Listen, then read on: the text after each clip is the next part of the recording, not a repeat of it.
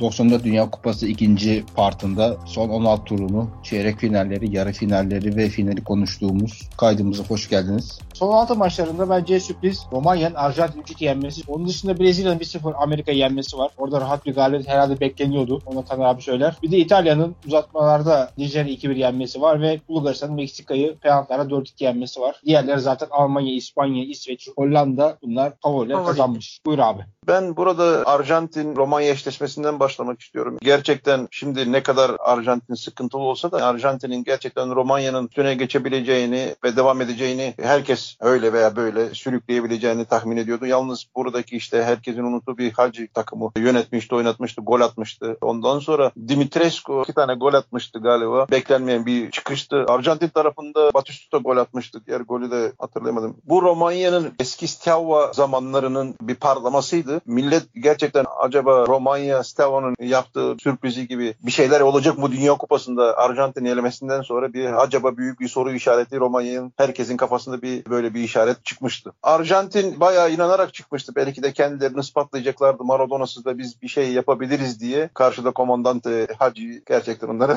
kararttı dünyalarını diyelim ve Romanya'nın bir üst tura devam etmesini sağladı. Bulgaristan-Meksika maçı gece maçıydı. Yani bizim saatle biz gece izledik o maçı. O maçın şöyle bir ayrıntısı var. Kale direği kırıldı. Maça ara verildi belli bir süre. Kale direğinin onarılması beklendi. Bir pozisyonda kale direği kırıldı maçta. O yüzden o maç çok çok uzadı. Bir de maç uzatmalara gitti. Sonra penaltılara gitti. Ki Bulgaristan 50. dakikada 10 kişi kalınca 70 dakika uzatmalarla beraber 10 kişi oynadı. Ona rağmen maçı penaltılara götürmeyi başardılar yani. Aslında Bulgaristan maçı daha önce kopartabilirdi ama 10 kişi kaldıktan sonra oyunun üstünü tamamen Meksika'ya geçti. Zaten Meksika 86'da da Bulgaristan'ı ikinci turda elemişti. 2-0'la. O açıdan intikamı alındı diyebiliriz. 86'nın intikamı Arjantin'den sonra Meksika karşısında da alındı diyebiliriz. Mihailo 3 tane penaltı kurtardı penaltılara giden maçta. O zaman çok sevindirmişti bizleri. Diğer taraftan Romanya zaten Aşkın abin dediği gibi Steaua Bükreş'in başarısının üzerine kurulmuş bir takım. Steaua Bükreş ki 86 Avrupa Şampiyon Kuplar Kupası şampiyon oldu. 89'da da final oynadı. Milan'a elenmişti. O takımın iskeletiydi. O açıdan Romanya'nın başarısı da bir tesadüf değil ki iki Balkan takımının çeyrek finale yükselmesi de benim açımdan çok ayrı bir güzellik oldu. Bu arada Nijerya İtalya maçında Nijerya bütün maç 89. dakikaya kadar da 1-0 öndeydi. 89 dakikada Roberto Baggio'nun attığı gol maçı uzatmalara götürdü. Baggio uzatmalarda bir gol daha atınca zaten Nijerya elendi. Çok yazık oldu Nijerya'ya. Benim burada söylemek istediğim Bulgaristan'ın bir Bobby Mihailov'un penaltı kurtarışta Jorge Campos var. Çok değişik bir kaleciydi. Tanrılar hatırlarsın böyle değişik formaları vardı böyle ilginç. Pop yıldızı gibi formalarla çıkıyordu Meksika'nın kalecisini. Jorge Campos'la ilgili bir iki tane anekdot var. O forvet oynuyormuş. Sonradan kaleci olmuş. Bir de o desenli o kendi formasını kendi çiziyormuş abi. Kendi dikiyormuş o formalarını. Çok ilginç formalar var. Zaten boyda kısaydı bir kaleciye göre Bu, var. Refleks, evet. Çok iyiydi refleksleri var. Zaten topla Neuer vari şimdiki gençlerin hatırlayabilmesi Neuer vari böyle çıkışları da vardı. Bu elemelerdeki Nijerya dediğin gibi İtalya. İtalya'da kırmızı kart görmüş. Bundan sonra galiba Brezilya Amerika maçında da birer tane kırmızı kart çıktı. Bulgaristan'da da iki tane. Orada da bayağı kızarıklar var. Nijerya'nın kadrosu gerçekten çok iyi bir kadroydu. Amokachi var. Beşiktaş'tan hatırlayan belki de arkadaşlar vardır. Beşiktaş'tan Kaço vardı. Fenerbahçe'nin çalım cambazı vardı. Gerçekten e, şahinler. Evet abi Uçe vardı. Bunların hepsi daha sonra zaten ülkemize geldiler. Okaça geldi, Uçe geldi. Evet. Kilit oyuncular sonraki kariyerlerinde Türkiye'ye uğradılar. Futbol sever olarak Nijerya'nın elenmesine üzüldüm. Çünkü turu hak eden taraf Nijerya'ydı. Ama Tabii işte tabii. ya. Su götürmez bir gerçek. Evet senin dediğin gibi katılmamak ayıp olur. Yani dediğin doğru. Nijerya hak ediyordu. Tek defansta çekili bir İtalya'nın oynaması hem futbolu çirkinleştirmişti. Çeyrek finallerde İtalya 2, İspanya 1. İtalya burada tur atan takım. Hollanda 2, Brezilya 3. Brezilya 3 golle turladı. Ve Bulgaristan da Almanya 2-1 ile geçti. Önce geriye düşüşlerdi. Daha sonra Stoichkov ve Lechkov'un golleriyle Bulgaristan yarı finale çıktı. Ve son maçta Romanya penaltılarla İsveç'e kaybetti. Burada da İsveç'in kalecisi Ravelli'nin kurtarışları İsveç'i yarı finale götüren isim oldu. Taner abi senle başlayalım buyur. Almanya-Bulgaristan maçı Bulgaristan futbol tarihinin Fransa maçından sonraki en değerli maçı. Ama skor olarak ve oyun olarak bakarsak bence Bulgaristan futbol tarihinin ilk sırasına koyarım ben bu maçı. Büyük bir başarıydı. Sadece skor olarak değil oyun olarak da Bulgaristan çok başarılı bir performans ortaya koydu. Penaltıdan Mateus attı. 1-0 geriye düştükten sonra oyunu çok fazla force etti Bulgaristan. Son 15 dakikaya kadar yeni girdi Bulgaristan bu maça. Stoichkov'un harika free kick golü. Almanlar ne olduğunu anlayamadan Lechkov'un kafa golü geldi. 2-1 olduğundan sonra karşılık da veremedi Almanya. Almanya gibi bir devi bu kadar çaresiz bırakmak gerçekten Bulgar futbol tarihinin en iyi maçlarından birisiydi ki takım da yavaş yavaş bu turnuva ilerledikçe futbol olarak oturmaya başladı. İlk Nijerya maçındaki o farklı yenilgiden sonra bu noktaya gelmesi takımın çok değerli oyuncuları vardı ve Avrupa'nın çok iyi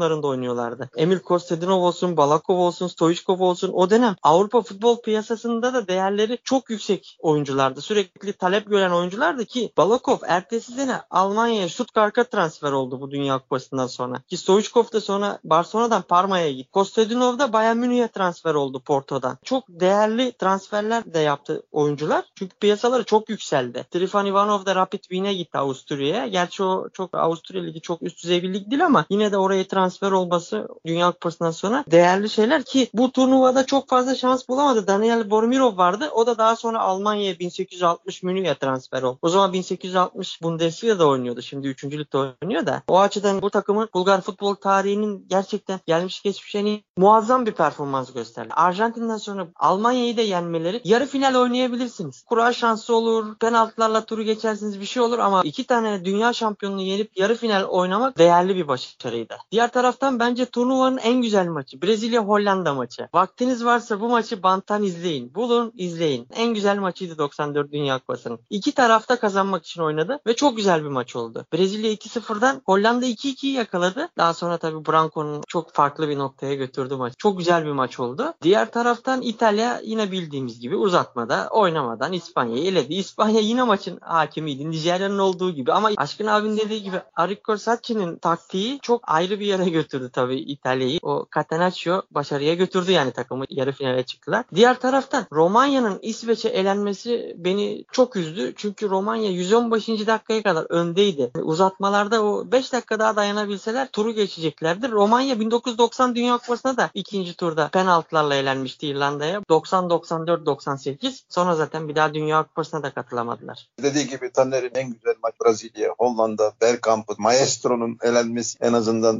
elenin Brezilya olması yüzdü taraftarları. Çünkü Hollanda'da Rijkaard son dönemlerini oynuyordu orada. Ona rağmen Overmans vardı Forvet'te yardımcı olan Bergkamp'a. Onlar da göze hoş e, bir futbol oynuyorlardı. Brezilya inanmıştı bu kupayı kazanacağına bence. Pereira'nın taktikten ziyade disiplini, takıma disipline etmesi elemelerine sebep oldu. Romanya'nın dediği gibi çok üzücü bir şekilde 115. dakikada Kenneth Anderson'un gol atması, Romanya'yı penaltılara götürmesi ve penaltıları da iki tane defansçının kaçırmasıydı galiba. Petrescu ile Belodeci kaçırmıştı değil mi? Evet Yanlış abi ikisi kaçırdı. Evet. İki defans oyuncusunun penaltı kaçırması da ki bunlar Romanya'nın yıldızlarıydı yani Belodedici zaten Pires'ten önceki Galatasaray'ın aşkı Belodedici'ydi. Her sezon Belodici geliyordu gelemedi ondan sonra Pires'e transfer oldu. Ama ondan önce en az bir 10 sene Belodedici muhabbeti var Galatasaray'a geldi gelecek. Belodedici de ilginç durum. Kendisi Sırp asıllı Romen onlar sınırdaydı tam onun Sırp mı Romen mi nerede oynayacak diye bayağı bir sıkıntı çıkmıştı. Sonra Romanya'yı tercih etmişti. Romanya milli takımında oynamayı. Dediği gibi İtalya zaten Catenaccio'yla geçti. Bulgaristan'ın şöyle bir şey söyleyeyim. Ben o maçı seyrederken belki de şimdi şaka gelecek çoğu kişiye de Bulgaristan'ın ben eleneceğine inanmıyordum. Dediği gibi Taner'in Bulgaristan'ın belki de en güzel oynadığı maçlardan bir tanesiydi. Hafızam yanıltabilir. Bulgaristan daha önce 86 Dünya Kupası elemelerinde İrlanda'ya karşı bir maç vardı. Son maçı gene galiba. Böyle çok güzel bir top oynamıştı Bulgaristan o zaman. Herkes wow demişti. Bu gerçekten de bu Almanya'yı seyrederken benim çocukluğumdan kalan Bulgar takımının birbirine inanması, topu paylaşması, Mateos önderliğindeki bir takımı devirmelerini ben gerçekten bekliyordum. Kimse alınmasın. Lechkov'un kel kafasını öpmek için millet kuyruğa girmişti. Bu mucizelerden gene gerçekten bir tanesi ama tabii Stoichkov'un serbest vuruşu da çok büyük bir klas bir hareket. Bulgaristan'ın buradaki en büyük özelliği korkmadı, çekilmedi. Taner'in dediği gibi kaybedecek bir şeyimiz yok. Bu jenerasyonda çıkabileceği en önemli turnuva. Dediler ki ya hep ya hiç ve gerçekten de yani Almanya'yı o kadar mahkum ettiler ki Almanya bir baş edeceklerini zannettiler. Turnuva takımı olduğu için 1-0'da biz kapatır gideriz diye de son 15 dakikada da Almanya'nın belki de hayatında hatırlamak istemeyecekleri en büyük elemenelerden bir tanesi geçti. Zamanında 80'li yıllarda TSK'nın 20 dakikada Bayern Münih'e 3-0 gol atması ki Bayern'in o zamanki kadrosun Rummenigge'ler, Augentay'lar çok güçlü bir kadroyu 20 dakikada 3 gol atıp tabii sonra da yenildiler de 20 dakikada 3 gol atmaktan Almanları şaşetmişti. Bu maçtaki Bulgar futbolu Stoichkov önderliğinde sürüklemesi takımı ve Almanya'yı elemesi büyük bir sansasyon olmuştu. Hele ki Almanlar biz bir turnuva takımıyız. Bulgarlar da ki onları yeriz geçeriz diye bir havadaydılar ama maalesef boğazlarına takıldı. Bulgar kebapçısı diyeyim e, kolay olmadı. Bunları kabul etmeleri, elenmelerini çok büyük bir sansasyonel bir olay. Belki de Dünya Dünya Kupası'nın en büyük olaylardan bir tanesi Bulgaristan'ın Almanya'yı elemesiydi. O zaman geçelim yarı finallere. Yarı finalde İtalya Bulgaristan'ı 2-1 eledi. Burada Roberto Baggio'nun golleri var ve diğer yarı finalde Brezilya 1-0 İsveç'i eliyor. Taner abi senle başlayalım. İtalya Bulgaristan maçında Bulgaristan şimdi 86 Dünya Kupası şampiyonu Arjantin'i yendi. 90 Dünya Kupası Almanya'yı da eleyince takıma bir özgüven geldi. İtalya'da 82'nin Dünya Kupası şampiyonu. Son 3 Dünya Kupası arkaya Bulgaristan oynamış oldu böylece. Bu özgüven ters tepki aslında. İtalya 20. dakikada 2-0 öne geçti Baggio'nun golleriyle. Sonra 20. dakikadan sonra Catenaccio'ya döndü İtalya zaten. Futbolla da alakası yok. Ondan sonra bütün maç Bulgaristan'ın baskısı altında geçti. Tabii bu maçın hakemi nereliydi? Fransız'da. Fransız hakem bir tane penaltı verdi Bulgaristan'a ama iki penaltısını es geçti. Ki maç sonunda Stoichkov'un demeci var. Dedi ki Tanrı Bulgar'dı ama dedi hakem Fransızdı dedi. Bizim iki penaltımızı vermedi dedi. Gerçi penaltılara takılmamak lazım. İtalya gerçekten çok iyi savunma yaptı ama Bulgaristan da turu çevirmek için 2-0'ın altından kalkmak için olmadı işte. Bence tecrübesizliğinin kurbanı oldu Bulgaristan. Çünkü İtalya maçına daha dengeli başlayabilir. Kendi oyun anlayışını terk etmeseydi, Arjantin maçına başladığı futboluyla başlamış olsaydı olay daha farklı olurdu. En azından daha dengeli giderdi maç. Yani sen İtalya gibi bir takıma karşı iki farklı geriye düşünce maçı çevirmek çok zor. Çok deneyimli bir takım. Brezilya ile İsveç zaten aynı gruptan çıktılar. O gruptaki maçları berabere bitmişti. Ki 80. dakikaya kadar gerçekten gol şansı vermediler Brezilya'ya. Artık Brezilya maç uzatmaya gidiyor falan derken bir anlık boşlukta Romario tabii çok büyük futbolcu. Kafayla çok rahat bir gol attı. Bu gol Brezilya hak ettiği bir şekilde finale yükseldi ama ben Brezilya Bulgaristan finalinin olmasını tercih ederdim. Aşkın abi. Şimdi ben Bulgaristan İtalya maçında Taner'in dediği gibi aynı işte katılıyorum 2-0'dan maçı çevirmek kolay değil. Hele İtalya gibi defansif takıma karşı. Evet hakem çok büyük eleştiriler yapmışlardı hakeme. FIFA'nın belki de Bulgaristan'ın Taner belki de diyecek ki penaltı takım ama takılmak lazım yani. Penaltılar haktı ve o adamlar penaltılarda hiç olmazsa ikisinden birisini verseydi 2-2'de ne olur? Bobby Mikhailov belki de gene bir mucize çıkartıp penaltıları uzatmalarda değiştirebilirdi durumu. Fransız gibi İtalya'nın komşusu birbirine bağlı bir elit takım olarak birbirinin çıkması bence skandal oraya verilmesi ve Bulgaristan'ın İtalya'ya kadar reytinginin olmaması onlar için FIFA için önemliydi. İtalya'nın finale çıkması ve İtalya'nın devam etmesi. O yüzden biraz hakem doğradı diyelim Bulgarları. Goller ilk yarıda zaten oldu. Stoichkov son dakikalarda ilk yarının son dakikalarda penaltıdan gol attı. İlk dakikalarda Baggio iki tane gol atması durumu belirtmişti. Diğer tarafta da Brezilya İsveç maçı da dediği gibi Taner'in tam taktik savaşı geçen bir maçtı. Zor bir maçtı. Brezilya kolay kolay kazanılabileceği bir maç değildi ki bir tane de kırmızı kart vardı orada. Kadrolardaki en büyük olay bu Brezilya'nın Romario Bebeto ikilisi baya baya kendileri boy olarak yüksek İsveç defansının aralarına sıyırarak çapraz koşular yaparak ve boşluk bularak baya denediler de İsveç de çok disiplinli bir takım olduğu için izin vermedi ama dediği gibi Taner'in de kafayla belki de sahanın en kısalardan bir tanesi Romario'nun çok güzel bir zamanlamayla gol atması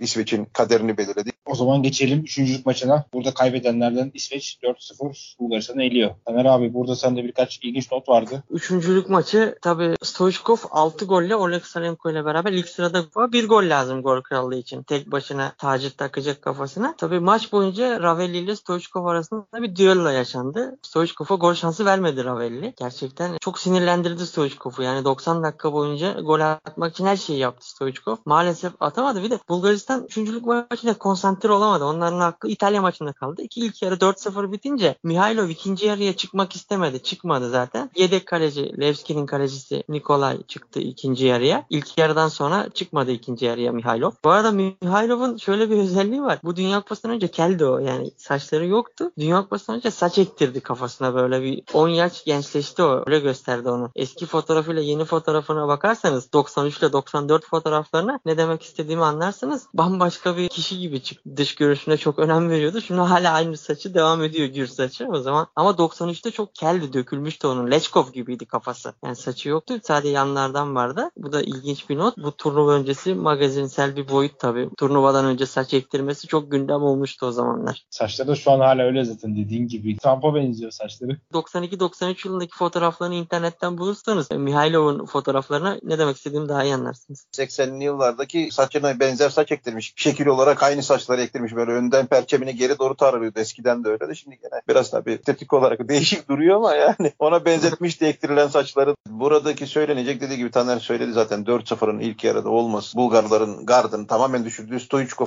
ikinci yarı bayağı yırtındı ama çılgın kaleci Ravelli gerçekten İsveç'in çılgın kalecisiydi. Ben onu çok severim. Çok da böyle çılgınlıkları vardı. İlk yarıdaki 4 golü zaten 8. dakikada Thomas Brolin'in İsveç'in altın çocuk açılışı yaptı. Zaten ondan sonra Hakan Milt attı. Kapanışı da Kenneth Anderson yaptı. Bulgarlar dediği gibi belki de İtalya'nın elemesinden sonra akılları kaldı orada. Onlar biraz boş vermişlerdi. Ama Bulgarlar için de gerçekten dördüncü olmak Dünya Kupası'nda büyük bir olaydı. Bulgaristan'daki gazete manşetlerinin çoğu o zamanlar hatta arabalarında yazı vardı. Önümüzde 3, arkamızda bütün dünya diye böyle bir manşetler atılmıştı. Bulgaristan için ayrı bir gururdu. 8 milyonluk bir ülkenin, Balkan ülkesinin belki de çoğu haritada bile bulamayacakları bir yerin Dünya Kupası'nda dördüncü olması ve bundan büyük bir reklam olamazdı. Finale geçebiliriz. Abi o zaman geçelim finale. Brezilya 3, İtalya 2. Burada penaltı atışları var. Herkesin aklında Roberto Kaçırı penaltı var ama öncesinde neler gördünüz? Taner abi buyur. Herkesin favorisi Brezilya'ydı maçtan önce tabii. İtalya işte düşe kalka düşe kalka Roberto Baggio'nun son dakika golleriyle işte Sakki'nin Catenaccio'suyla finale kadar geldi. Çok renksiz bir takımdı benim gözümde. Finale kalması da büyük bir başarı oldu. Etmediler finalde oynamayı. Finalde de Brezilya'yı kitlemeyi başardılar. Yani Dünya Kupası tarihinin en sıkıcı final maçlarından birisi oldu. Pozisyonu az, mücadelesi çok ama seyir zevki düşük bir maç oldu. Bir futbol sever olmasam tamamını izlemezdim. Bırakırdım maçı yarıda. Hiç e, final maçı gibi olmadı böyle. Çata çat, kıran kırana bir final maçı bekliyordum. Tabii golün olmaması, gol geciktikçe İtalya savunmasını daha da katılaştırdı. Daha da katılaştırdı. Penaltılara götürmeyi başardı maçı. Hiç maç boyunca golü düşürmedi İtalya. Ki zaten Brezilya'nın o kadrosunu kitlemesi de İsveç'in yapamadığını onlar yaptı. İsveç de 80 dakika dayandı yarı finalde Brezilya'ya. Daha güzel bir final maçı bekliyordum ama Brezilya bir öne geçmiş olsaydı çok daha farklı bir Dünya Kupası finali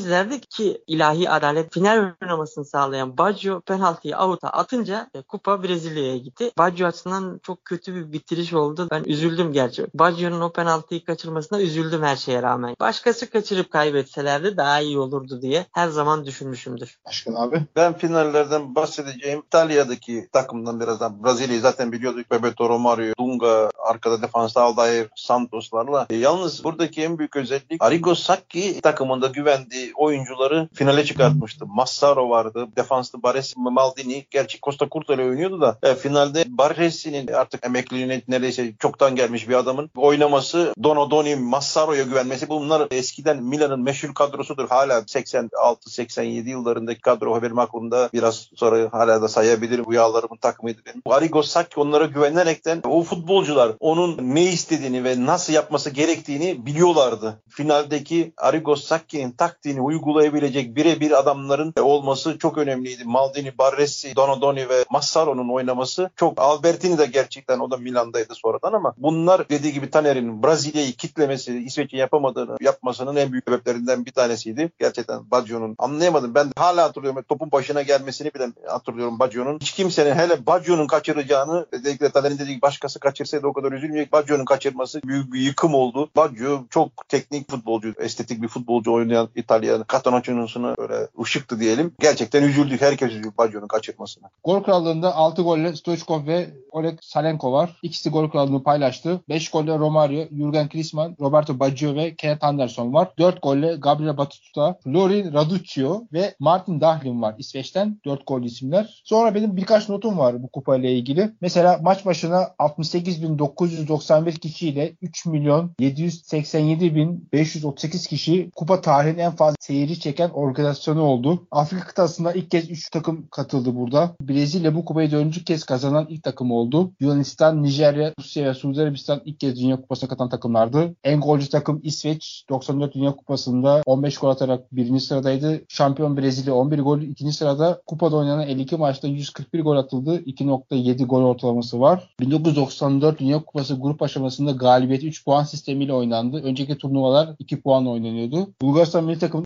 11'inde yer alan tüm futbolcuların adının sonunda OV vardı. Ve ilginç bir şekilde de Amerika bu turnuvada başarılı bir organizasyon düzenledi. Çünkü Amerika futbolun çok fazla popüler olmadığı yıllar, çok bilinmediği yıllar. O da bir ekstra not. Onun dışında Pontiac Silverdome'da oynanan ABD İsviçre maçı ilk kez üstü kapalı bir sahada oynanan Dünya Kupası maçı oldu. İngiltere Dünya Kupası'na katılmaya başladığı 1950'den beri ilk kez Dünya Kupası'na gidemeyen Britanya ülkesi oldu. Yani İngiltere burada yoktu. Bence bu turnuvanın en değerli olayı Bulgaristan'ın dünya dördüncüsü olmasıydı. Ki Bulgaristan tarihinde böyle bir başarı yoktu daha önce. Bugüne kadar Dünya Kupası'nda galibiyet alamamış bir takımın dünya dördüncüsü olması çok değerli bir başarıydı. Bu değerli başarıyı arttıran etkenlerden birisi de Bulgaristan 1991'de rejim değişikliğine gitti. Sosyalist rejim yıkılınca ülke çok büyük bir ekonomik darboğaza girdi. Kapitalizme geçiş sancıları çok zor oldu Bulgaristan'ın. Ki 94 Dünya Kupası'ndaki başarı Bulgar halkına çok büyük bir mutluluk verdi. Çünkü halk ekonomik olarak çok zor durumdaydı. Enflasyon rakamları çok yüksekti. Halk ne yapacağını bilemiyordu. Bu üst üste gelen Arjantin-Almanya zaferleri Bulgaristan'a çok büyük bir mutluluk verdi. Aşkın abin de dediği gibi Bulgar gazetelerinin manşetlerini Bulgaristan'ın futbol takımının başarısı süsledi. Bir nebze bir mutluluk verdi insanlara. Bu çok değerli bir başarıydı. Artı Stoichkov'un gol krallığı ve Stoichkov 1994 yılında altın topu da kazandı. Dünyanın en değerli futbolcusu seçildi. Ki bugüne kadar ilk ve son altın topu alan Bulgar futbolcu oldu. Aşkın abi. Biraz Bulgaristan'dan başlayarak Balkan futbolu olarak daha çok Bulgaristan ve Romanya'nın başarısı Bulgaristan'ın dediği gibi Taner'in rejim değişikliğinden sonra ekonomik olarak sıkıntılı şu anda bizim Edirne'ye gelip alışveriş yapıp artistik yapanların değil zor durumda olan bir Bulgaristan vardı. Ayrıca Dodo Zhukov istifa etmişti. Zhukhov'un gidişinden sonra sıkıntılara girdi. Ülke olarak bu 94'teki büyük bir sevinç getirdi. Bence asıl gol kralı Stoichkov şimdi nasıl söyleyeyim size Salenko bir maçta 5 gol attı. Dağılan bir tane Suudi Arabistan'a. Stoichkov farklı farklı daha zorlu rakiplere attığı gollerle bence oranın gol kralı benim gözümde Stoichkov'tu.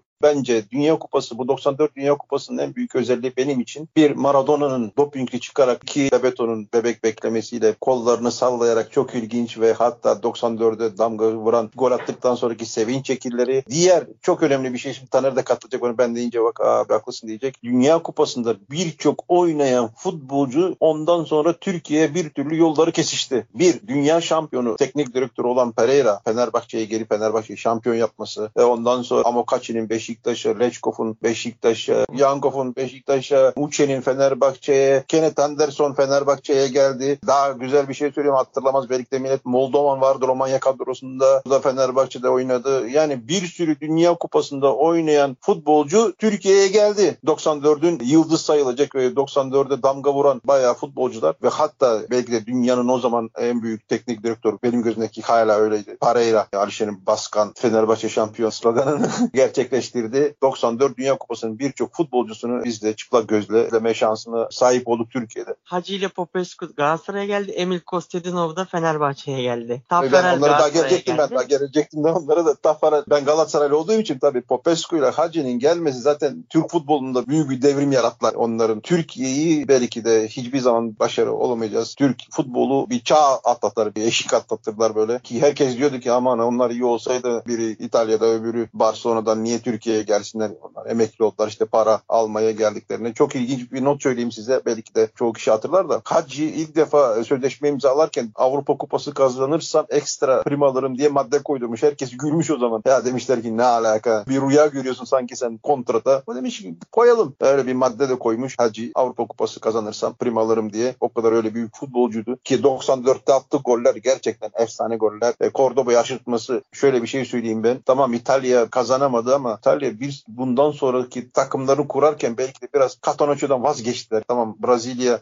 disiplinle kazandı da İtalya'da terk etmeye başladı Catenaccio'yu. Catenaccio'nun o kadar verimli bir şey olmadığını belki de farkına vardılar bu kupa sonrası. Aynı şekilde Brezilya hatırlarsın değiştirdiler onlar da taktiği değiştirdiler. Da belki de Pereira'dan sonra biraz sambaya meşhur futboluna geçtiler. Daha ilginç bir anekdot. Kupaya katılamayan Fransa 98 Dünya Kupası'nı kazandı. Onlar da belki de Fransa'nın 94 kupasına gitselerdi gene Layla olurdu. 98'i kaybederlerdi ama komple bir değişime gittiler. Bulgar'ın elemesinden sonra Dünya Kupası'na gidemesinden sonra komple Fransa değiştirdiler sistemlerini, futbolcularını 98'i kazanmalarına belki de Bulgarlar sebep oldu. Bilmiyorum katılır mısın Taner? Katılıyorum abi. Değişik bir bakış açısı ama katılıyorum dediklerine. Zaten Emejak, Kantonalar, Papenler oyun disipline uymayan yıldızlarla yollarını ayırdı. Daha böyle takım oyununu ön plana çıkaran Jorkaevler, Deschamps'lar tarzı böyle güçlü bir orta saha kurarak daha disiplinli bir takım kurdu. Ki Zidane geldi o takımın üzerine. Çok daha bir başka bir takıma dönüştü. Bir de şöyle bir şey vardı. Kalıların bile dalga geçiyordu. Futbola sokar diyenlerin ülkesinde Dünya Kupası düzenleyeceğiz. Aman kim gider, kim izler, ne olur diye ama herkesin unuttuğu bir şey vardı. Amerikalılar pazarlamada dünyanın bir numarası. Gerçekten seyirciyi çekme konusunda etkinlikler düzenleyerekten çok güzel bir sınav verdiler. Tribünleri fulldü yani maç seçimi görmeksizin e, tribünler doluydu. Şovlar yaparaktan Amerika'nın pazarlama becerisini biraz küçümsemişti dünya. Yok onlar soccer diyorlar futbol bilem demeyenler ne olacak nasıl yapacaklar beceremezler diyerekten bayağı küçümsemişlerdi. Hatta Amerika gruptan çıkarak tatlı da bir sürpriz gerçekleştirmişti. Bu defa bu kadar keselim başka zaman başka bir muhabbet tekrar Aydın kardeşimiz bize davet eder. Bir başka bir konu üzerine tekrar konuşuruz. Çok güzel bir muhabbet oldu benim açımdan. Çok güzel bir sohbet oldu. Ben teşekkür ediyorum Aydın arkadaşımıza bizi davet ettiği için. Taner sana da çok güzel bilgili. Tabii biz seninle farklı insanları sen çok güzel bilgili. Ben daha çok böyle alaylı değil. Aklımda geldikçe olayları anlatıyorum ben. Senin futbol takibin çok iyi. Tebrik ederim. Senin gibi bir arkadaş tanımak benim için çok güzel bir zevk. Her ikinizle sohbet etme gerçekten çok zevkliydi. Çok teşekkür ediyorum. Aydın'a ayrıca teşekkür ediyorum bizi buluşturduğu için. Umarım verimli bir program olmuştur diyorum. Çok keyif aldım Aşkın abiyle sohbet etmekten. Ki Aydın sen de çok iyi hazırlanmışsın. Amerika'daki en fazla Dünya Kupası'nda izlenen seyirci olması sebebi Amerikan futbolu sahaları futbol sahasına çevrildi ve seyirci kapasiteleri çok yüksekti statların. Avrupa'dakine göre iki kat daha seyirci kapasitesi yüksek statlarda oynandı maçlar. Ve bu da Aşkın abinin belirttiği gibi pazarlama stratejisiyle statların kapasitesinin yüksek olması birleşince en fazla seyirci ortalamasına ulaşılan Dünya Kupası oldu.